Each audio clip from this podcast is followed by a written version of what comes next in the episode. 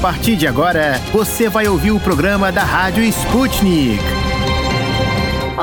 Ouvintes! Sejam bem-vindos a mais um programa da Rádio Sputnik. Eu sou a Francine Augusto e terei a companhia da querida Luísa Ramos na apresentação comigo nos próximos dias. Isso aí, Fran! É sempre um enorme prazer apresentar esse programa com você. Vamos nessa com muita informação para atualizar nossos ouvintes com tudo o que é mais importante nesta segunda-feira, 21 de fevereiro. O nosso primeiro destaque é a continuação das buscas por vítimas da tragédia que já deixou mais de 170 mortos, isso em Petrópolis, na região serrana do Rio de Janeiro. Com as 176 mortes contabilizadas até amanhã desta segunda-feira, a tragédia já superou o maior desastre até então registrado na história do município. Em 1988, outra grande tempestade ocasionou 171 vítimas na cidade. Os bombeiros seguem um trabalho incansável na busca de mais de 100 desaparecidos durante as fortes chuvas que atingiram o município no último dia 15. Enquanto isso, surgem iniciativas para a reconstrução da cidade. O deputado e pré-candidato ao governo do Rio de Janeiro, Marcelo Freixo, do PSB, propôs um projeto de lei que direciona um imposto laudêmio a um fundo que seria usado para ajudar na reconstrução da cidade imperial. A iniciativa iniciativa, no entanto, não agradou o governador do Rio e pré-candidato à reeleição Cláudio Castro, que fez críticas ao deputado e o chamou de oportunista. E falando em eleição, o Partido dos Trabalhadores lançou o senador recém-filiado à legenda, Fabiano Contarato, como pré-candidato ao governo do Espírito Santo. O lançamento do professor e ex-delegado da Polícia Civil ocorre em meio às negociações do partido para a formação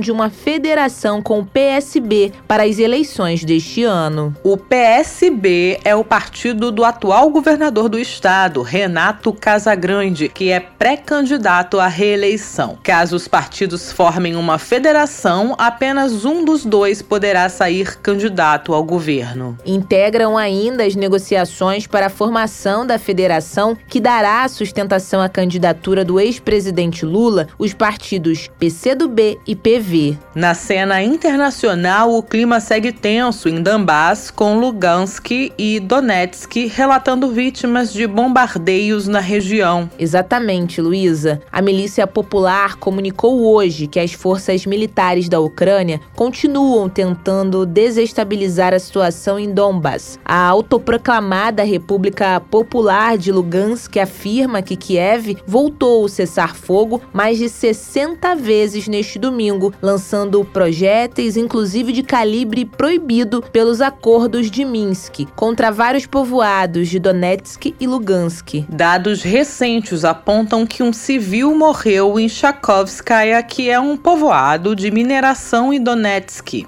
em resultado do bombardeio ucraniano. Lugansk ainda reportou dois mortos e três feridos na madrugada desta segunda-feira. A milícia popular também anunciou que na madrugada de hoje as tropas ucranianas bombardearam a região de Kominternovo utilizando armamento proibido, o que os levou a abrir fogo como resposta ao bombardeio. Apesar deste cenário, uma notícia trouxe esperança aos esforços diplomáticos de evitar a escalada de tensão na região. Exatamente, Luísa. Os presidentes da Rússia, Vladimir Putin, e dos Estados Unidos, Joe Biden, decidiram realizar uma cúpula dedicada à crise ucraniana. O anúncio foi feito pelo governo francês, que afirmou que o encontro proposto por Emmanuel Macron está programado para a próxima quinta-feira, dia 24 de fevereiro. Ainda falando sobre o panorama internacional, Murat Bektanov, que foi afastado do cargo de ministro da Defesa do Cazaquistão, foi detido por passividade de autoridade, segundo o Ministério Público do país. Bektanov foi afastado do cargo pelo presidente Kassim Jomart Tokayev no dia 19 de janeiro por não conseguir lidar com os protestos em função do abrupto crescimento dos preços do gás liquefeito no início deste ano. Depois desse giro de notícias sobre o Brasil e o mundo, que tal conferirmos o que preparamos para vocês no programa de hoje? E no programa de hoje. No Destrinchando a Charada Brasil, vamos trazer números de uma pesquisa sobre armas furtadas em um período de 10 anos. No quadro Esqueceram de Mim em Portugal, vamos comentar a reportagem de Lauro Neto sobre a decisão inédita do Tirateima nas eleições legislativas para votos de portugueses que vivem em outros países da Europa. No Bombando no YouTube, falaremos sobre uma polêmica envolvendo a Força Aérea Australiana e um navio de guerra chinês. No Destrinchando a Charada Internacional, saberemos o cenário do e-commerce no Brasil e no mundo. No Você Sabia, que é o nosso quadro sobre curiosidades do Brasil, vamos falar sobre a história do tesouro escondido em túneis subterrâneos do Morro do Castelo, em plena região central do Rio de Janeiro. Destrinchando a Charada. De dentro e fora do Brasil política, economia, sociedade e tudo que engloba o maior país da América Latina. As charadas mais complicadas do Brasil são destrinchadas aqui Oi, ouvintes! No nosso Destrinchando a Charada Brasil, vamos falar sobre uma pesquisa que identificou que armas de fogo mais atraem do que repelem criminosos. E os dados deste levantamento do Instituto Sou da Paz são impressionantes, caros ouvintes. Em um período de 10 anos, nove armas foram furtadas ou roubadas por dia no estado de São Paulo. A pesquisa Desvio Fatal, Vazamento de armas do mercado legal para o ilegal analisou 23.799 ocorrências de desvios de armas entre os anos de 2011 e 2020. O estudo observou que, na maior parte das ocorrências, a arma foi levada do proprietário legal por meio de furto, isso em 60% dos casos, sem necessidade de violência e muitas vezes sem a presença da vítima. Em segundo lugar, apareceu o roubo roubo, que representou 38% dos casos. Curiosamente, os locais onde ocorreram mais desvio de armas são repartições públicas, como fóruns e delegacias. Empresas de segurança privada, bancos e residências de caçadores, atiradores e colecionadores também ocupam a lista. A pesquisa apontou ainda que a arma começa a ser empregada na atividade criminal no mesmo dia em que ela é desviada do proprietário legal. Ou seja, especialistas concluem que a arma de fogo, que tem valor alto no mercado ilegal, acaba funcionando mais como um imã para o criminoso do que como um elemento para afastar o crime. Com isso, a sensação de segurança torna-se falsa e equivocada, uma vez que as armas acabam nas mãos da criminalidade. Mesmo com estes dados expressivos envolvendo o furto de armas de fogo, outro levantamento recente mostrou que o número de assassinatos caiu 7% no Brasil no ano passado. No caso deste outro levantamento, os pesquisadores destacam que a queda no índice de homicídios pode acontecer mesmo com a maior introdução de armas no país por conta dos decretos e mudanças na legislação promovidas pelo governo federal. A legislação brasileira em relação às armas de fogo foi alterada em 2019 por iniciativa do Poder Executivo, que buscou facilitar o acesso legalizado ao porte e à posse de armas de fogo. Nos últimos anos, a discussão sobre a posse de armas tem se destacado no país, dividindo opiniões, embora o Brasil já possua uma legislação a esse respeito. Vale lembrar que a posse de arma de fogo permite ao cidadão manter a arma exclusivamente no interior da residência ou no local de trabalho. Já o porte é a possibilidade de circulação com arma de fogo fora de casa ou do trabalho.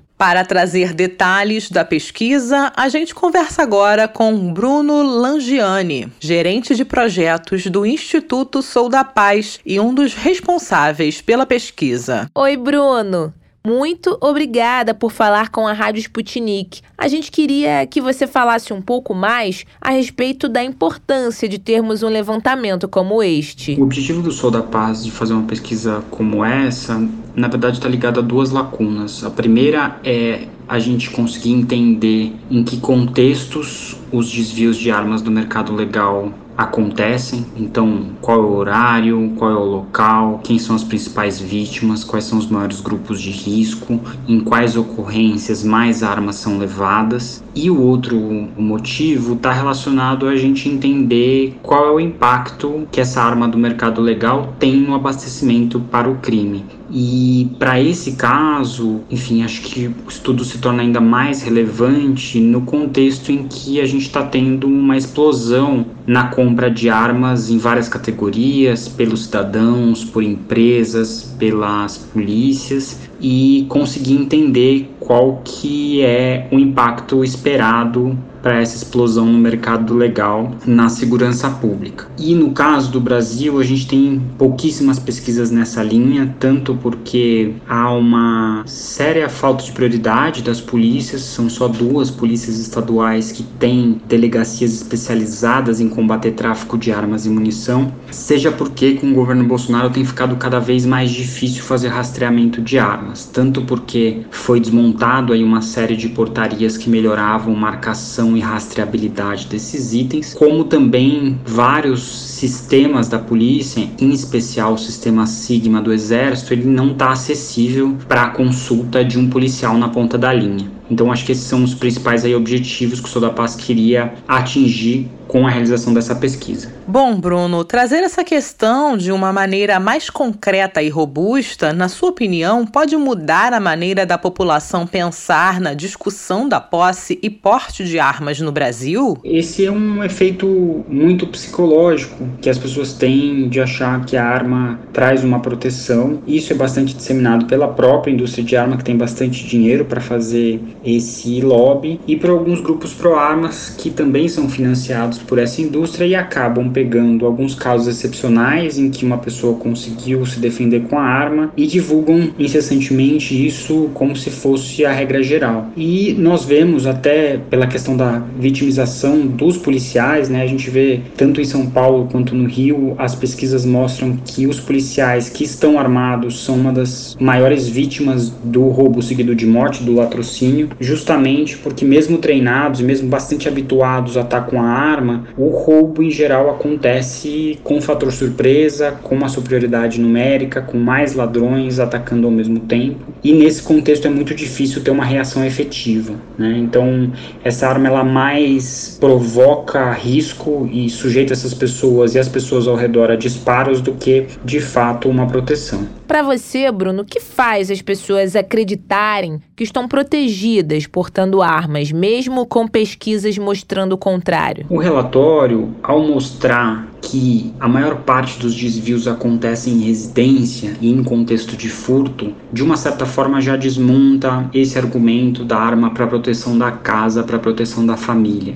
A gente vê que os criminosos, a gente inclusive apoia isso no relatório com pesquisas que ouviram autores de roubo, mostram que eles sempre preferem atacar residências quando não tem ninguém. Né? E arma de fogo, assim como joia, é um item muito procurado. Né? Então, saber que esse item existe dentro da casa mais atrai esse ladrão do que afasta do domicílio. Mas o outro ponto, então assim, de uma certa forma, essa pesquisa ajuda a dialogar com quem está pensando em comprar uma arma para defender a residência, mas acho que o mais importante no contexto brasileiro, em que 90% da população não tem sequer renda para pensar em comprar uma arma, esse não é um recurso que está disponível, ele traz um elemento para discussão de como essa flexibilização e essa facilitação de mais armas sendo compradas e armas mais potentes em maior quantidade tem um impacto para a coletividade. Então, mesmo as pessoas que não gostam de arma ou que nunca pensaram em comprar uma arma, precisam estar atentas de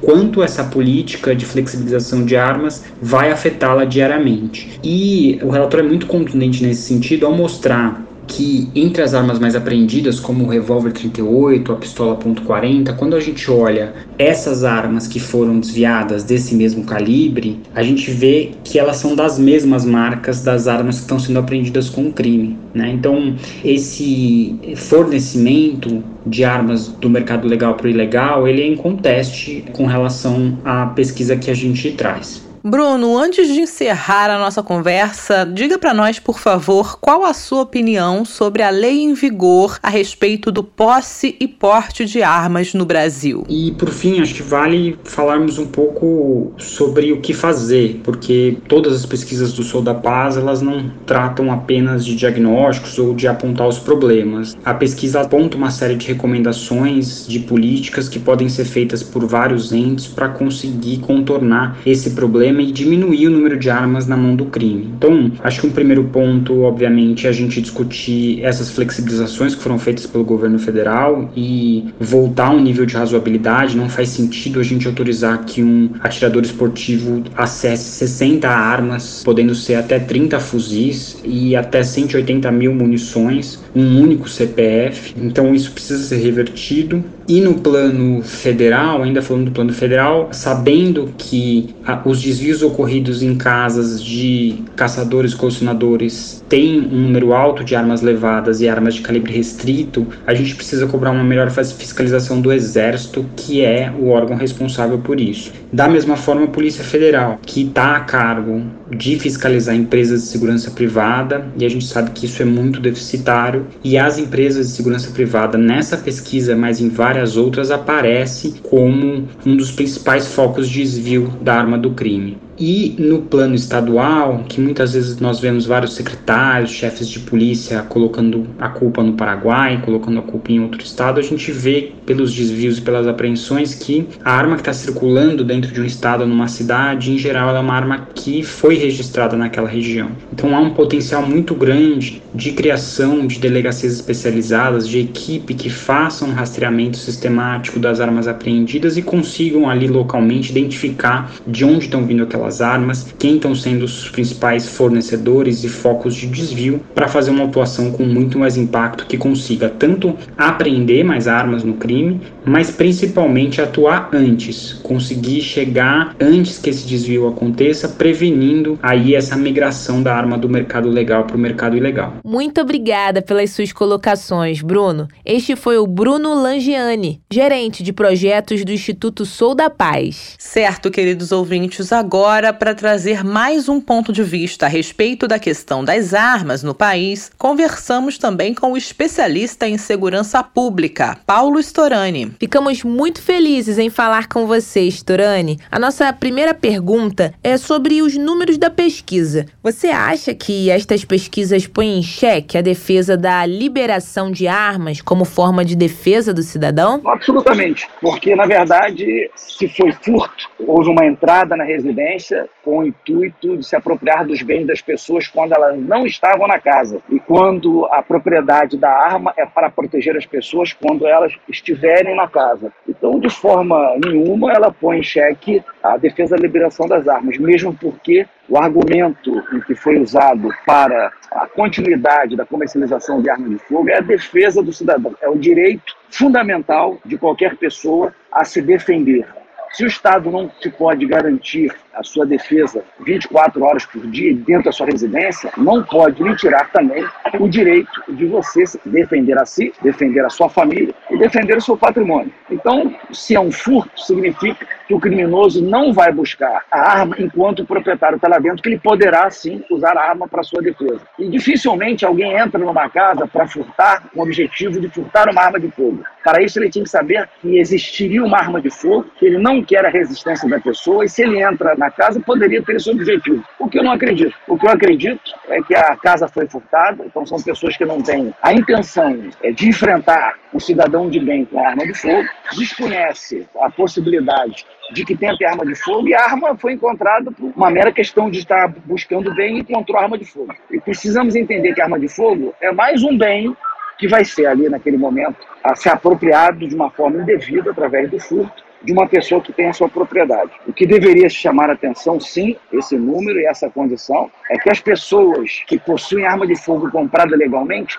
essas armas não estão muito bem guardadas diante de casa, permitindo que durante um furto ela fosse facilmente identificada e esse bem apropriado pela ação criminosa. Então, eu acho que o mais importante dessa pesquisa é que proprietários de armas de fogo não estão deixando essa arma da forma que é preconizado pela própria legislação. Um local guardado, que seja difícil acesso a menores, que só ele tem acesso e que tenha no cofre, que ele tenha um código que ele possa acessar, logicamente, de uma forma relativamente rápida, se for no caso de uma emergência, mas que impediria que as pessoas da casa, crianças, por exemplo, pudessem ter acesso, da mesma forma que alguém com intuito criminoso. E sobre esse mercado de armas furtadas no Brasil, infelizmente não é uma novidade, né, Storani? Mercado de armas furtadas no Brasil, na verdade, sempre houve um mercado de armas furtadas que foram adquiridas legalmente no mercado, que foram contrabandeadas por especialistas, enfim, sempre existiu, não é de hoje. Não é porque hoje o cidadão ele pode comprar uma arma de fogo que passou por conta disso a existir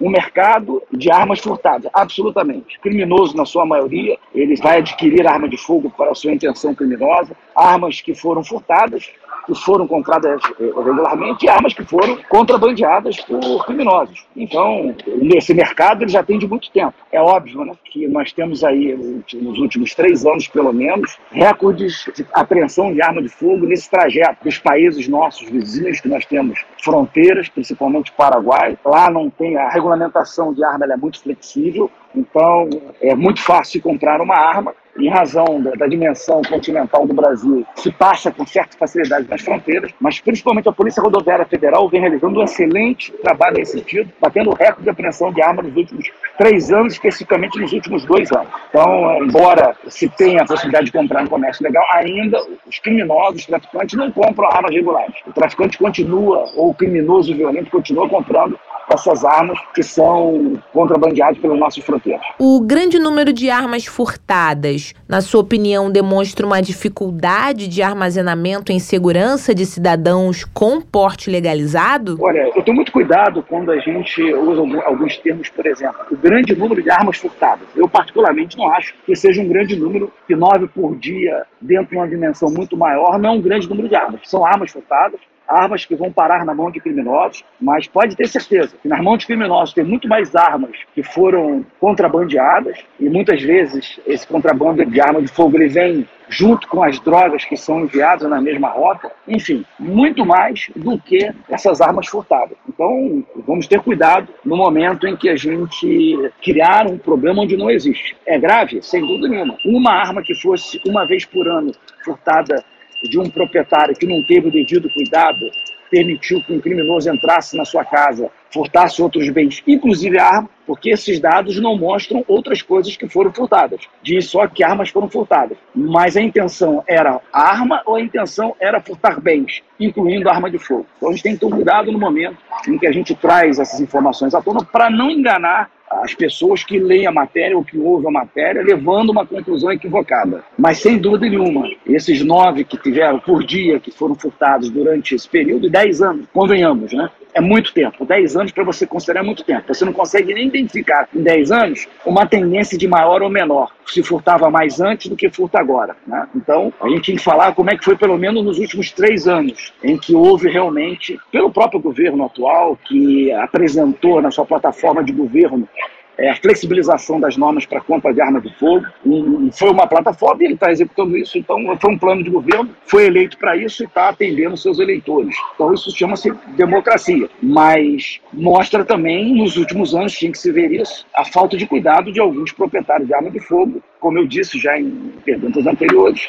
é, que não tem o cuidado necessário de armazenamento e guarda dessas armas dentro de casa, permitindo que uma ação delituosa ela possa ser identificada. Realmente precisa ser alertado. O que eu acho que falta à nossa legislação, não só relacionados à aquisição de arma de fogo, que diz respeito à questão de guarda, é a responsabilização em casos como esse. Aquele que detém uma arma de fogo ele tem que ter responsabilidade da sua guarda e usar para a destinação que foi comprada. Por isso que eu tenho reservas em relação à questão de concessão de porte de armas para pessoas que não têm um perfil. Isso não pode ser feito de uma maneira aleatória, tem que ser feito de uma maneira rigorosa, com responsabilização pelo uso indevido de uma arma de fogo, quando não fosse estritamente necessário para salvaguardar a vida do proprietário ou a vida de terceiros, enfim. Mas no Brasil nós temos uma legislação, de uma forma geral, não especificamente ao tema, muito condescendente, muito tolerante, eu digo até permissiva, principalmente a delitos como homicídio, estupro, enfim. Um criminoso que tira a vida de outra pessoa, homicídio, pena máxima no Brasil 20 anos, não fica mais de 12 anos condenado. Bom comportamento, um sexto da pena. Então, no máximo, considerando o tempo de julgamento, três anos e meio vai ficar preso. Então, essa é a realidade brasileira. Devemos estar preocupados com a responsabilização sobre o crime, e não a questão se deve ao cidadão ou não é poder comprar arma de fogo. O cidadão que usa um bem que foi destinado à sua proteção para fazer mal às outras pessoas, que não justificar seu armamento, ele precisa ser necessariamente responsabilizado. Mas no Brasil, a nossa legislação tolerante, mesmo esse cidadão, ele vai ficar pouco tempo encarcerado se ele tirar a vida, por exemplo, de uma outra pessoa porque perdeu a cabeça numa discussão doméstica ou com vizinhos, ou se ele tinha um porte na rua num problema de trânsito. Então, esse é um problema muito maior do que se devemos ou não ter arma de fogo em nossas casas. Responsabilização dura como uma forma de pedagogia social, de penalização daquele que descumpre uma norma, principalmente contra a integridade física e de outras pessoas. Na sua opinião, Paulo Storani, esse debate que já dura anos sobre o porte e a posse de armas está longe ou perto de acabar? Em relação aos debates, que desde a consulta popular que foi feita, se deveria ou não impedir a comercialização das armas de fogo no Brasil, isso já dura muito tempo, porque está dentro de uma agenda política pedagógica o desarmamento da população. E aí vem uma outra questão, no aspecto ideológico, que todo regime totalitário ele sempre aposta no desarmamento da população. É diminuir a capacidade da população de resistir a uma ação totalitária, agressiva contra a própria população, violando direitos dessa sociedade. Então a primeira coisa que se faz é desarmar a população. Então quando entra no campo ideológico, é isso que a gente tem. Mas como eu disse nas outras respostas que eu já enunciei, existe um direito fundamental à segurança e é uma previsão constitucional e, na verdade, é uma condição básica de qualquer ser humano em qualquer parte do, do mundo. Precisa ser dado a ele o direito dele se defender. Se nós não temos a proteção necessária por parte do próprio Estado, que faz parte da nossa sociedade, que nós escolhemos, não pode subtrair ou impedir que um cidadão de bem proteja a si, proteja a sua família. Essa discussão vai demorar muito tempo exatamente por isso, porque existe uma guerra ideológica, na verdade, eh, de agendas que apostam nessas ações. Não vejo, eu acompanho segurança pública há 38 anos, já passei por todos os campos, desde a, como operador de segurança pública até formulador de política pública hoje analista de política pública de segurança. Mas eu sempre parto de determinados princípios que nós não podemos desconsiderar. Um deles é o direito fundamental à segurança, como outros previstos na Constituição Federal. Então, qualquer coisa contrária a isso é cercear um direito fundamental. E eu sou a favor da liberdade das pessoas, eu sou a favor da Constituição, eu sou a favor dos direitos concedidos e protegidos. Toda vez que alguém fala contra eles, está atentando contra a liberdade das pessoas. E eu sou a favor da liberdade do cidadão de bem. Todo debate é importante, e este mais ainda, até pelo fato de envolver a perda de muitas vidas, não é, Lu? É verdade, Francine. A gente espera que esse seja um número que caia cada vez mais as mortes por armas de fogo. Muito obrigada por conversar com a gente hoje, Storani. Este foi o Paulo Storani, especialista em segurança pública. E o nosso Destrinchando a Charada Brasil de hoje fica por aqui. Até a próxima.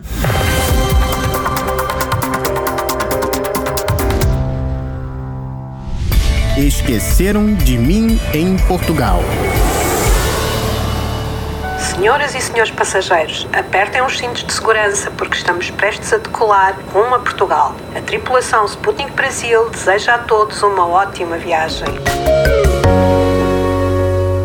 Vamos lá comentar as notícias da terrinha portuguesa, com certeza, pois o nosso correspondente na capital Lisboa, Lauro Neto, apurou informações sobre a decisão inédita de repetir a votação nas eleições legislativas para emigrantes portugueses que moram na Europa, certo, Luísa? Exatamente, Fran. Foi a primeira vez que aconteceu um caso desses. Trata-se da invalidação de um total de 193 mil votos para eleger dois deputados do Círculo Europeu. Por isso, o Tribunal Constitucional Português determinou que a eleição legislativa para portugueses que moram em outros países da Europa seja repetida, e isso vai fazer com que haja atraso de mais de um mês na posse do parlamento. Foi algo bem inusitado que aconteceu. Houve a mistura de cerca de 36 mil votos válidos com 157 mil, 80% do total, anulados por estarem acompanhados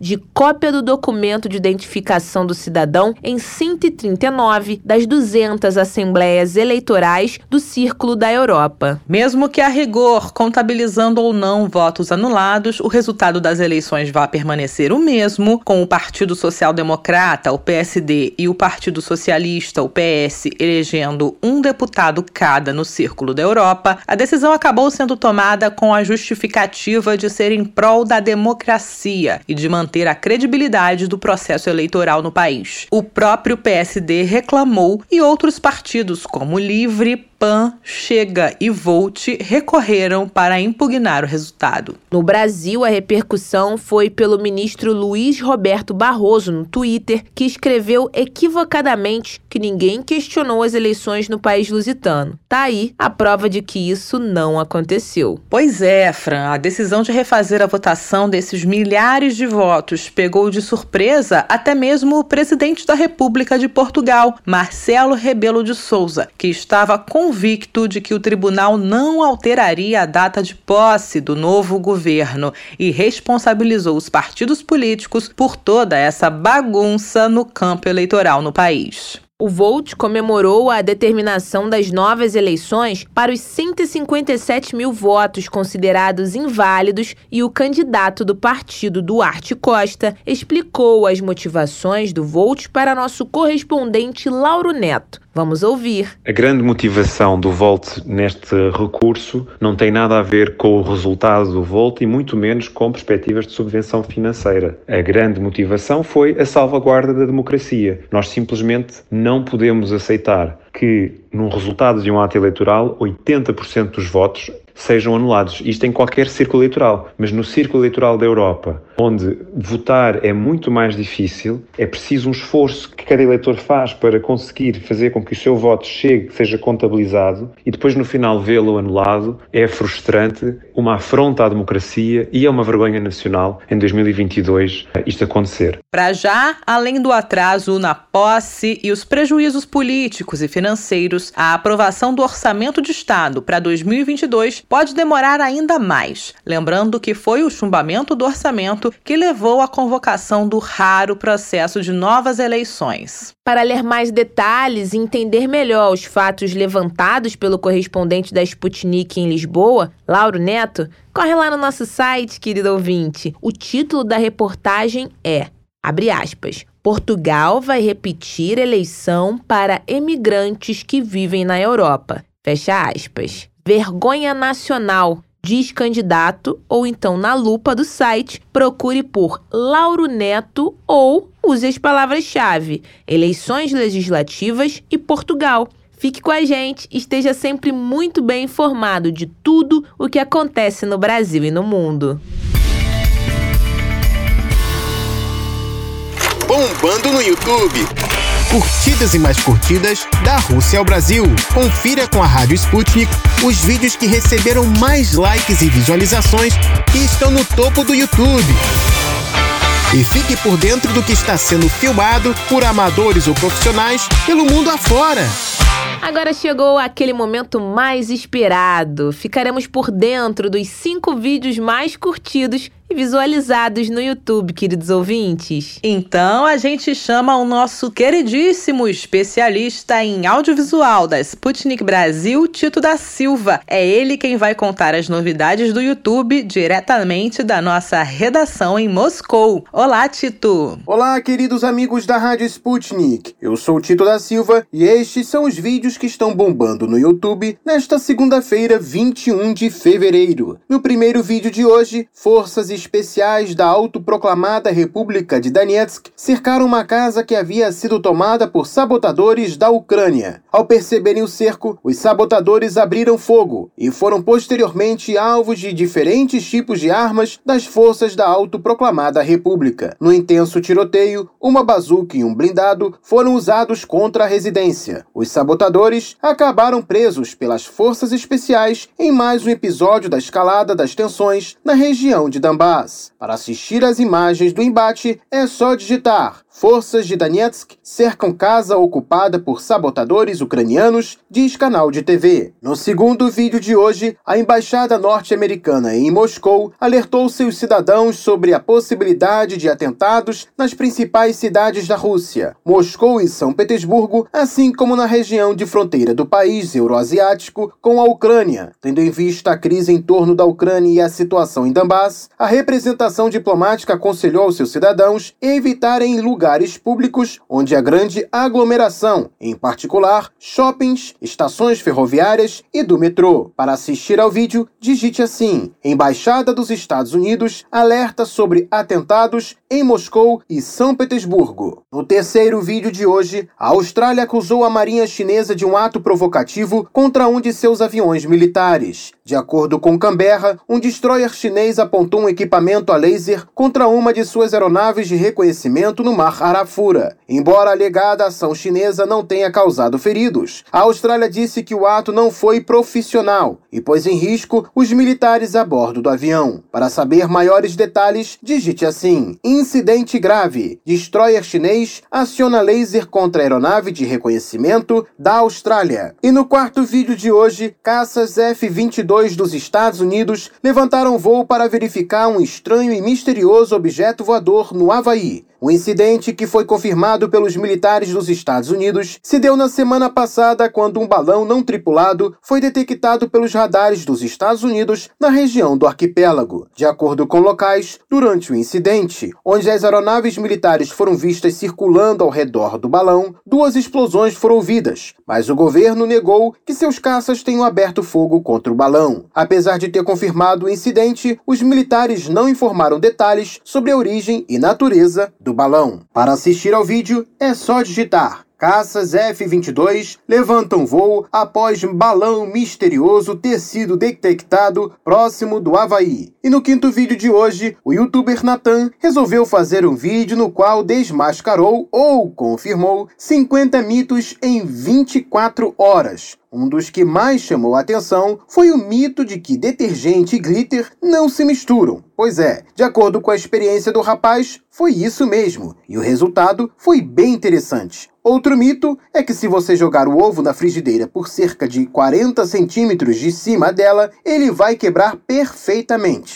Bom, não é bem assim. O vídeo está fazendo um grande sucesso e já conseguiu mais de um milhão de visualizações. É só ir lá no canal Natan Por Aí e assistir. E por hoje é tudo, pessoal. Até mais. Sobre este caso do navio de guerra chinês que iluminou um jato da Força Aérea Australiana, que o Tito falou, os relatos são impressionantes, né, Lu? É verdade, Fran. Os pilotos relataram que os flashes os deixaram desorientados, causando dor, espasmos, manchas na visão e até cegueira temporária. Caramba! E esta não seria a primeira vez, viu? Em 2019, pilotos australianos disseram que foram alvos várias vezes desses lasers comerciais, isso durante missões no mar da China Meridional. Tudo muito misterioso, Fran. A China também não fez comentários sobre as alegações australianas. Fato é que o clima ficou bem tenso, viu? Sem dúvidas. Tito, muito obrigada pelo top 5 do YouTube. Até mais!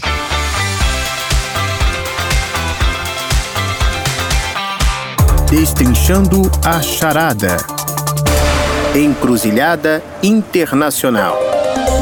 Relações políticas, socioeconômicas e muito mais entre as nações deste mundão. Da Rússia aos Estados Unidos. Encontre com a gente as respostas às perguntas do momento. Não é novidade que o mundo mudou nos últimos tempos. Com ele, as relações sociais, as dinâmicas de mobilidade e a forma de comercializar produtos, estimados ouvintes. Quem aí não se viu realizando algum tipo de compra pelo computador ou celular desde o início da pandemia? No Brasil, segundo a revista Consumidor Moderno, só em 2020 foram 13 milhões de novos consumidores no meio online, um crescimento de 29% em relação a 2019, ano anterior à pandemia. A difusão do e-commerce passou do capricho à necessidade, em meio aos incontáveis lockdowns e restrições de circulação por causa da Covid-19. Covid-19 em todo o mundo, influenciando até negócios e varejo. Mas será que, mesmo com as flexibilizações pós-pandemia, o crescimento do comércio digital vai continuar? A aposta é de que sim pois ainda há espaço para crescer, visto que, segundo o levantamento feito no final do ano passado, em parceria com o PayPal Brasil e a Big Data Corp, o e-commerce responde por apenas 4% do total de vendas realizadas no Brasil. Já internacionalmente, segundo estimativas do Digital Commerce 360, os aumentos na receita digital diminuíram em 2021 à medida que as vendas das lojas se recuperaram, mas ainda assim em comparação com 2019, as vendas online aumentaram 50,5%. Só a Amazon também respondeu por mais de 40% de todo o comércio eletrônico nos Estados Unidos em 2021. Para entendermos melhor esses números e expectativas do mercado digital no Brasil e no mundo, convidamos hoje o especialista Lucas Machado professor de e-commerce e marketplace do Prime MBA da ESPM. Obrigada pela presença, Lucas. Agradecemos demais sua disponibilidade, professor Lucas Machado. Bom, Lucas, para começar, pode nos dar um panorama geral de como o setor de e-commerce vem se comportando no Brasil e no mundo e se pode crescer mais este ano?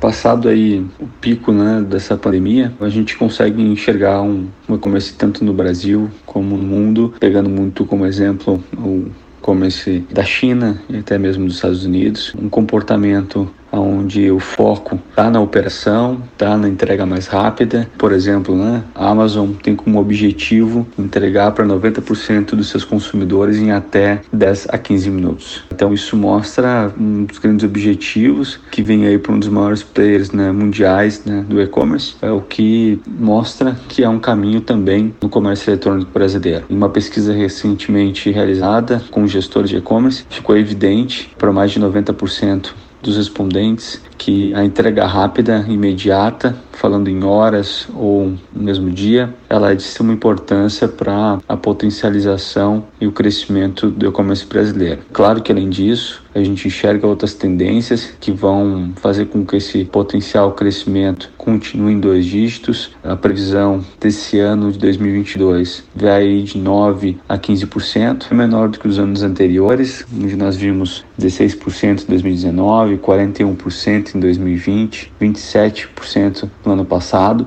conforme o EBIT Nielsen, por uma participação muito significativa, é natural e esperado que o crescimento nos próximos anos, visto a inflação, o aumento de custos e entre outros fatores, que o comportamento de compra ele se mantém ainda significativo, mas isso não leva a um crescimento tão forte como foi realizado no ano de 2020 e 2021. Estes custos aos quais você se refere podem refletir em quais fatores do e-commerce, Lucas? Esse custo alto vai ocasionar uma busca maior por margem, por um crescimento mais sustentável, que vai ser bem impactante, principalmente para grandes players que trabalham com marketplace, com comissionamento. Isso já é fato, o que vem acontecendo com o Mercado Livre, que vem diminuindo benefícios e aumentando comissões para alguns serviços, como via varejo, que vem aumentando também seus percentuais de comissionamento conforme as vendas realizadas né, através dos seus sellers nas suas operações. Então, esse é um comportamento que a gente enxerga aí durante o ano de 2022, muito provavelmente em 2023 ainda vamos estar sendo impactados. A inflação para online ela foi ainda maior, chegando a 18,8%, o que mostra que o digital cresceu com muita força, mas da mesma forma cresceu também os custos. E isso encarece a operação e isso vai, de certa forma, chegar ao consumidor através de um preço mais alto de serviços mais caros. No cenário internacional, a impressão que dá é de que já era algo mais comum, né, professor? As pessoas usavam mais o e-commerce. Mas o que, que tem de diferente entre o e-commerce, por exemplo, em países desenvolvidos que favoreça o consumo? Favorece o consumo em países desenvolvidos. Muito forte é a infraestrutura, o que favorece custos menores de entrega, uma entrega mais eficiente, em menor tempo e de qualidade. Além disso, a bancarização e o poder de compra também favorece isso, já enraizado na cultura de países desenvolvidos. Também tem muita questão de ter confiança e o Brasil, por exemplo, nós temos aqui um problema de muita fraude ainda. Isso gera uma desconfiança muito grande dos consumidores estarem fazendo compras online, principalmente pessoas que têm pouco conhecimento de internet, compras, cartão de crédito. Essas questões impactam de forma relevante para que países subdesenvolvidos e emergentes não tem um, um desenvolvimento tão significativo como países desenvolvidos como Estados Unidos, Inglaterra, França e China, por exemplo, hoje tem. Pois é, o professor falou sobre fraudes. Segundo um levantamento divulgado no começo de fevereiro pela empresa de tecnologia antifraude ClearSale, as tentativas de fraudes em 2021 cresceram 58% em comparação com 2020. Isso falando de comércio eletrônico, vendas diretas serviços financeiros e de telecomunicações no Brasil, cerca de 6 bilhões de reais só em fraudes. Muita coisa. Mas Lucas, na sua visão, o crescimento foi passageiro por conta da pandemia apenas ou deve continuar nos próximos anos? Na minha visão, o crescimento mais forte e exponencial, como nós vimos nos últimos dois anos aí de pandemia, 2020 e 2021, nós tivemos aí 46% de crescimento, 41% de crescimento, depois 27% de crescimento, pelas projeções que vêm de importantes portais e organizações no Brasil, em conversas com colegas colegas gestores de grandes segmentos de e-commerce, a projeção e que se acredita para esse ano e a tendência é que fique aí entre 9 e 15%. Como que os países que já têm altos números de consumo digital lidam com a transformação do mercado de trabalho, Lucas? E o que, que o Brasil pode fazer para se preparar nesse âmbito? Acredito que o Brasil precisa se preparar na questão da transformação do mercado de trabalho, visto aí esse crescimento de forma muito significativa a partir da pandemia da questão de tecnologia, da transformação digital de muitas companhias com mais força. Isso vai e já está impactando em uma mão de obra mais cara, em alguns momentos até escassa. Então, bons profissionais estão supervalorizados no mercado brasileiro, seja pela parte de desenvolvedores, programadores, bons profissionais da área de CRM, de tecnologia e de vendas. Nesse segmento de e-commerce, onde nós precisamos de diversos profissionais multitarefas e que tem uma boa dinâmica de trabalho, isso vai ser realmente bastante desafiador, uma vez que comportamentos diferentes, como por exemplo home office, como por exemplo mais benefícios e uma maior dinâmica de empresas tradicionais que vão precisar se reinventar para que possam garantir que esses bons profissionais e recursos se mantenham nas suas companhias, visto que por um mercado extremamente competitivo, onde se deu muita atenção, muita visibilidade nos últimos anos para o digital, isso fez com que profissionais de áreas até então competitivas mas ainda o mercado conseguia lidar com essa competitividade. Nesse momento, inflaciona. Profissionais que em algum momento tinham uma remuneração de 5 mil reais, hoje o mesmo profissional ganha 2, 3, 4 mil reais a mais por uma questão de movimentação de mercado muito forte e de demanda muito forte, é claro, por praticamente todos os grandes varejistas, pequenos e médios, fazendo com que esse mercado venha a ter então um impacto significativo nesse âmbito de mercado de trabalho. Super interessante. Dica, inclusive, para quem está na dúvida sobre carreira e para qual área prestar vestibular. Com certeza, Lu. E professor Lucas, ferramentas de pagamento como o PayPal têm sido cada vez mais difundidas. Podemos relacionar também o pagamento com criptomoedas, professor? Qual seria a evolução natural do cenário internacional do comércio online no quesito pagamentos? Assim, ferramentas como PayPal vão ser cada vez mais utilizadas e isso já se mostra em números. O cartão de crédito, por exemplo, de 2020 para 2021 já aumentou sua participação de 67% para ser quase 72%, diminuindo o share de boleto bancário. Também aí a gente visualiza o Pix no mercado brasileiro, já chegando em grandes operações a 11% já de participação. Isso mostra uma diversificação significativa das formas de pagamento no Brasil. Acredito que esse cenário de meios de pagamento, de carteira digital, uso mais frequente de milhas, de cashback, entre outras formas de pagamento, isso vai ser algo que vai realmente impactar de forma significativa. Então, acredito que essa evolução ela vai ser mais significativa ainda nos próximos anos, também por uma questão de disseminação e bancarização do comércio eletrônico do mercado brasileiro. A gente vê aí um esforço significativo do Banco Central de, de liberação e de uma maior competição entre os bancos, e aí a gente já enxerga muitas fintechs que, por exemplo, né, parcelam hoje até com boleto bancário, compras no online.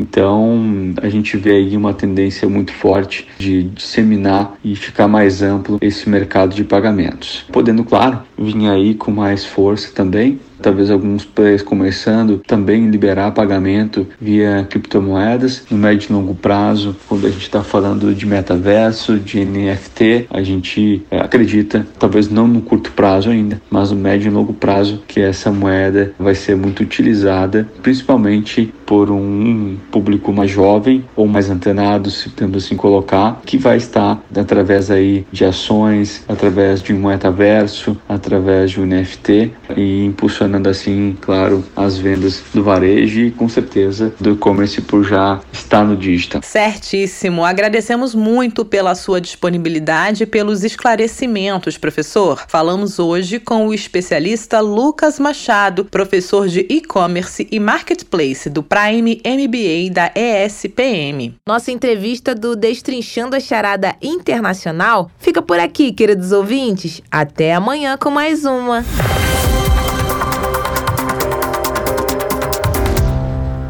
Você sabia? Não? Agora vai saber! Num país gigante como o Brasil, sempre há mistérios ou peculiaridades históricas que merecem ser desvendados. Vem com a gente descobrir!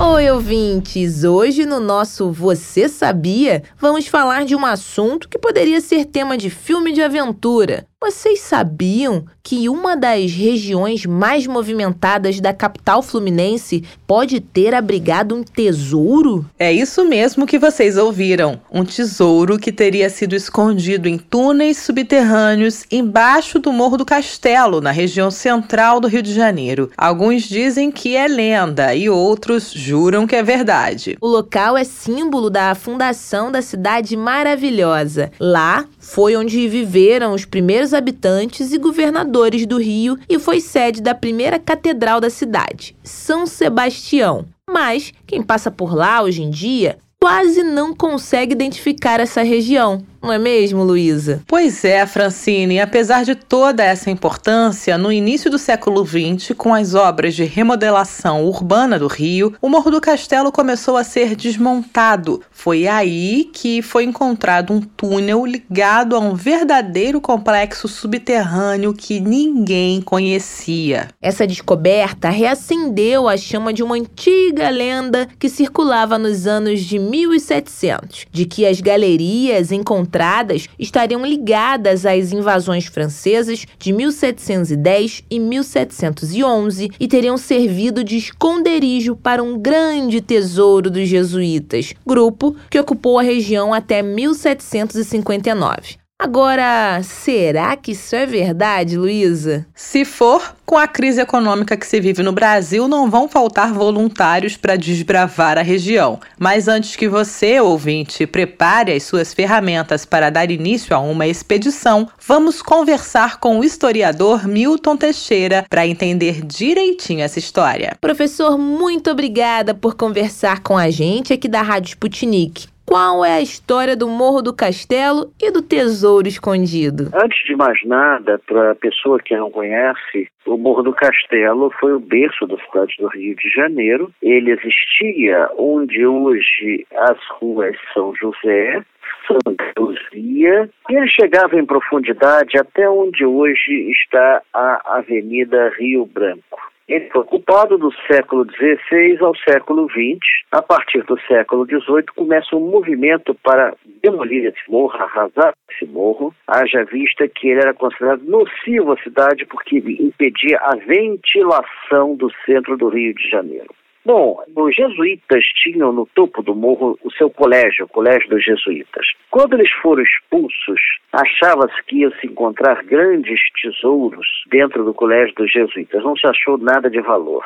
Então acreditava-se que eles tinham sido enterrados no morro. E sempre houve a lenda dos tesouros do Morro do Castelo. Essa lenda ganhou força quando, no início do século XX, ao fazer um corte no morro, achou-se uma caverna feita artificialmente. Então, essa caverna chamou muito atenção e as pessoas acorreram para lá e tudo mais. A prefeitura até apareceu dizendo que era dona do tesouro, porque a obra da prefeitura. No final, não se achou nada. Posteriormente, quando o morro foi demolido entre 1920 e 1922, Achou-se mais túneis, mas não se achou nenhuma moedinha de ouro. Tudo não passou de uma lenda, como aliás geralmente são as lendas de tesouros. Elas não se apoiam em bases muito sólidas.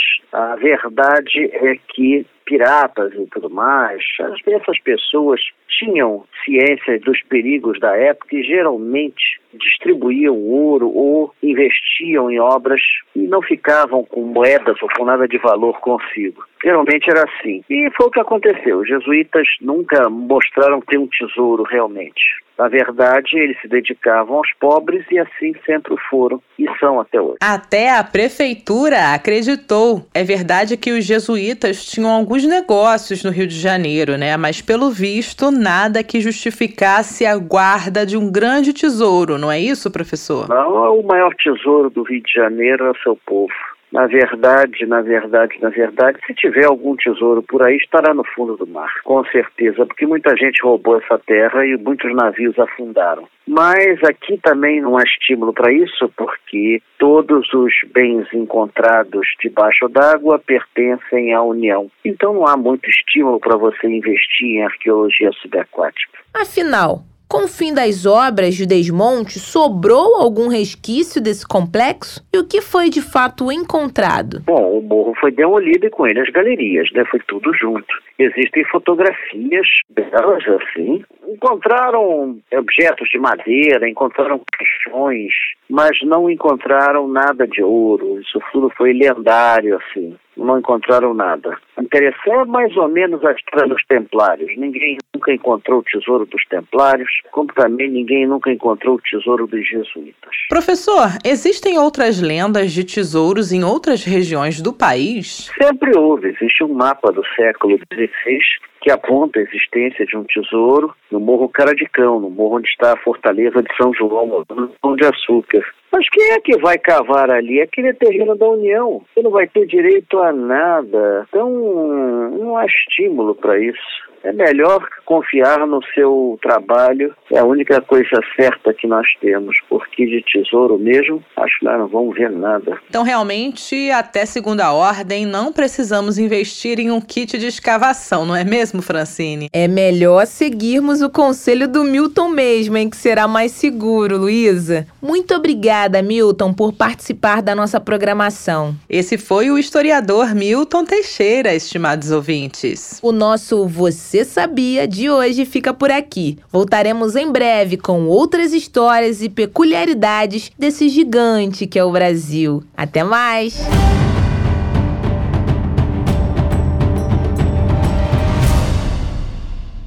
Está à procura de notícias com outros pontos de vista e posicionamentos?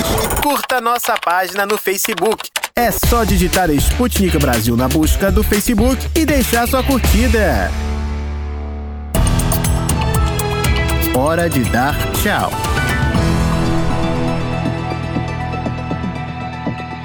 Estimados ouvintes, o programa desta segunda-feira, dia 21 de fevereiro, está chegando ao fim. Mas, Luísa, quem quiser continuar ligado em toda a nossa programação, basta dar uma passadinha no site da Sputnik Brasil, br.sputniknews.com para conferir as nossas notícias do momento. Isso mesmo, Francine. Lembrando que temos também o nosso canal da Sputnik Brasil lá no YouTube, hein? Imperdível! Lá tem vídeos super atuais do que está sendo discutido tanto no Brasil como no resto do mundo. Fiquem super ligados também nas nossas informações sempre atualizadas no Twitter e no Telegram da Sputnik Brasil. Caros ouvintes, ficamos por aqui e aguardamos vocês para o próximo encontro amanhã, sem falta, viu? Um forte abraço. O programa da Rádio Sputnik teve apresentação, produção e edição de texto de Luísa Ramos e Francine Augusto, produção de conteúdos e edição de texto de Tito da Silva e Pablo Rodrigues. A edição e a montagem do programa são de Wellington Vieira e David Costa. A produção geral do Rio de Janeiro é de Everton Maia e da Angélica Fontela. E o editor-chefe da redação da Sputnik Brasil no Rio de Janeiro é o Renan Lúcio e em Moscou, Konstantin Kuznetsov. Você acabou de ouvir mais um programa da Rádio Sputnik.